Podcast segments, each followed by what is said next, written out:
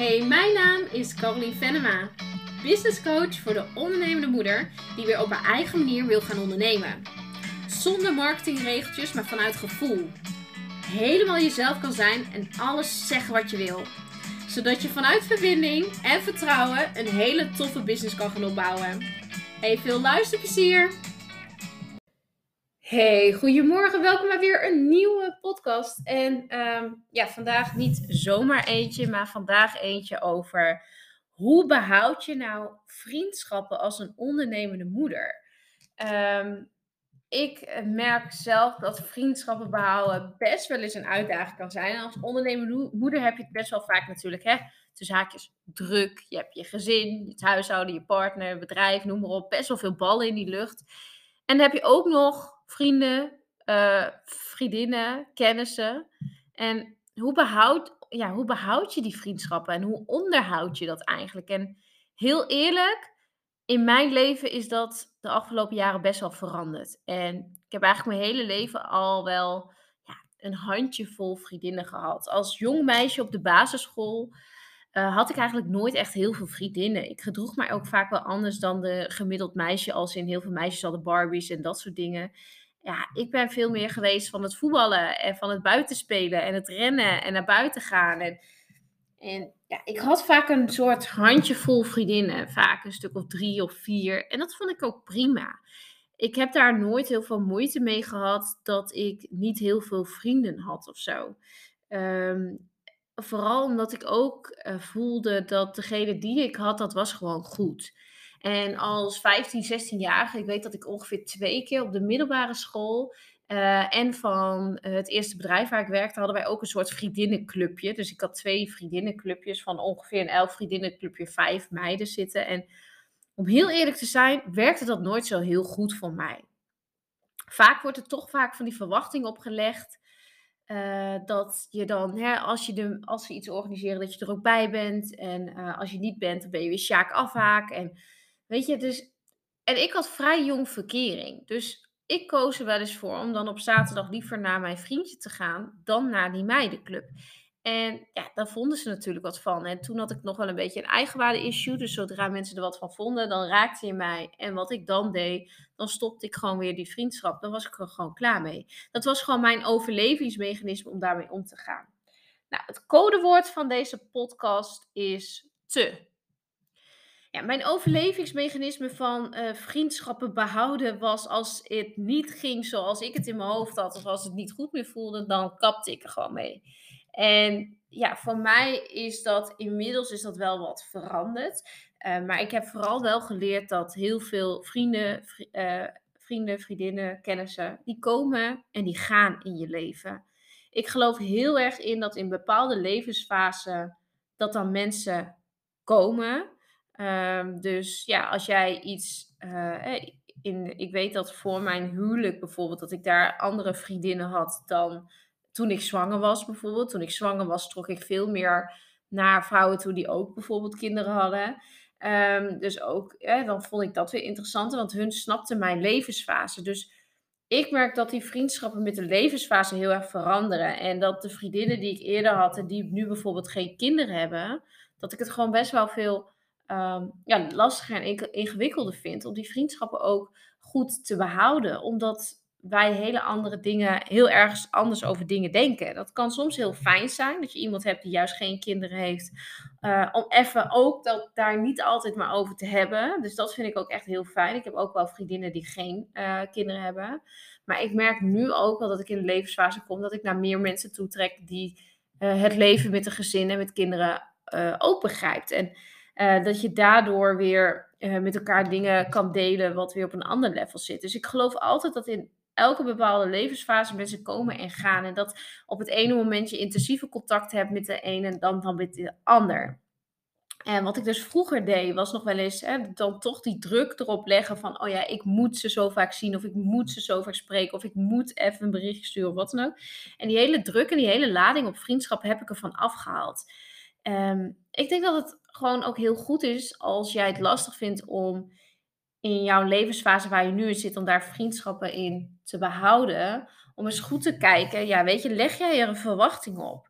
Weet je, doet het jou iets dat bijvoorbeeld jouw vriendin jou twee weken lang niks stuurt? Doet dat jou iets? Of zeg je nee, mijn vriendin kan prima even druk hebben, heel geen probleem. Weet je, ik kan prima een vriendin zijn die bijvoorbeeld, ik heb het ook met een andere vriendin, die zie ik maar nou één keer in de maand of zo, of één keer in de twee maanden. Maar als we elkaar zien, dan is het gewoon 100% goed. En tussendoor bellen we wel eens spontaan. Uh, ik had toevallig vanochtend nog even gebeld, dus dan bel ik gewoon even spontaan en dan hebben we gewoon even een leuk gesprekje.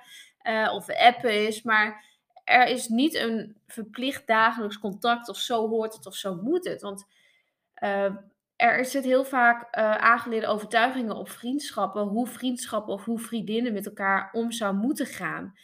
Uh, maar dat is natuurlijk aangeleerd. Dat heb je waarschijnlijk zelf in je hoofd aangeleerd dat een goede vriendschap of een goede vriendin is als ze dat en dat doet. Maar ik vind dat een goede vriendin er is op het moment dat je het nodig hebt of nodig bent.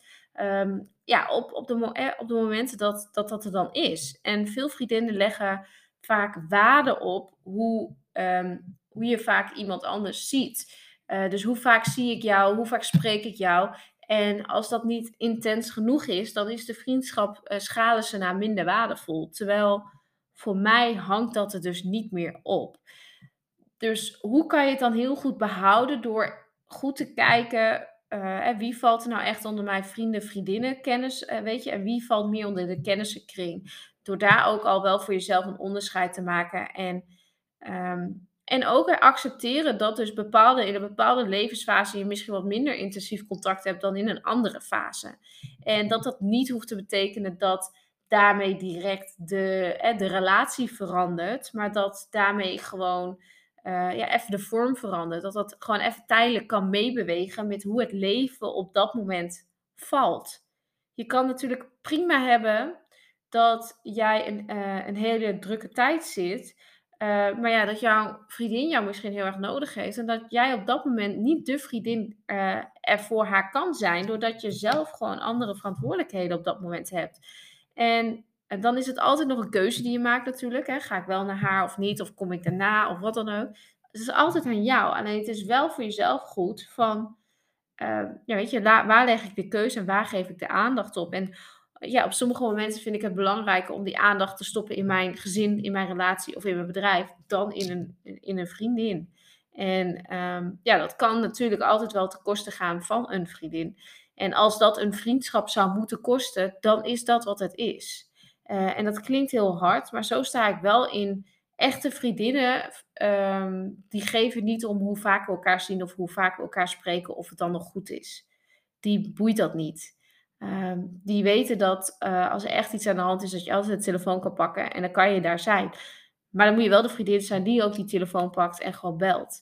Uh, weet je, dus dat zijn van die dingen waar ik gewoon heel erg in geloof. Dus als jij het lastig vindt om vriendschap te behouden, uh, bekijk dan goed wat voor waarde hecht jij daaraan.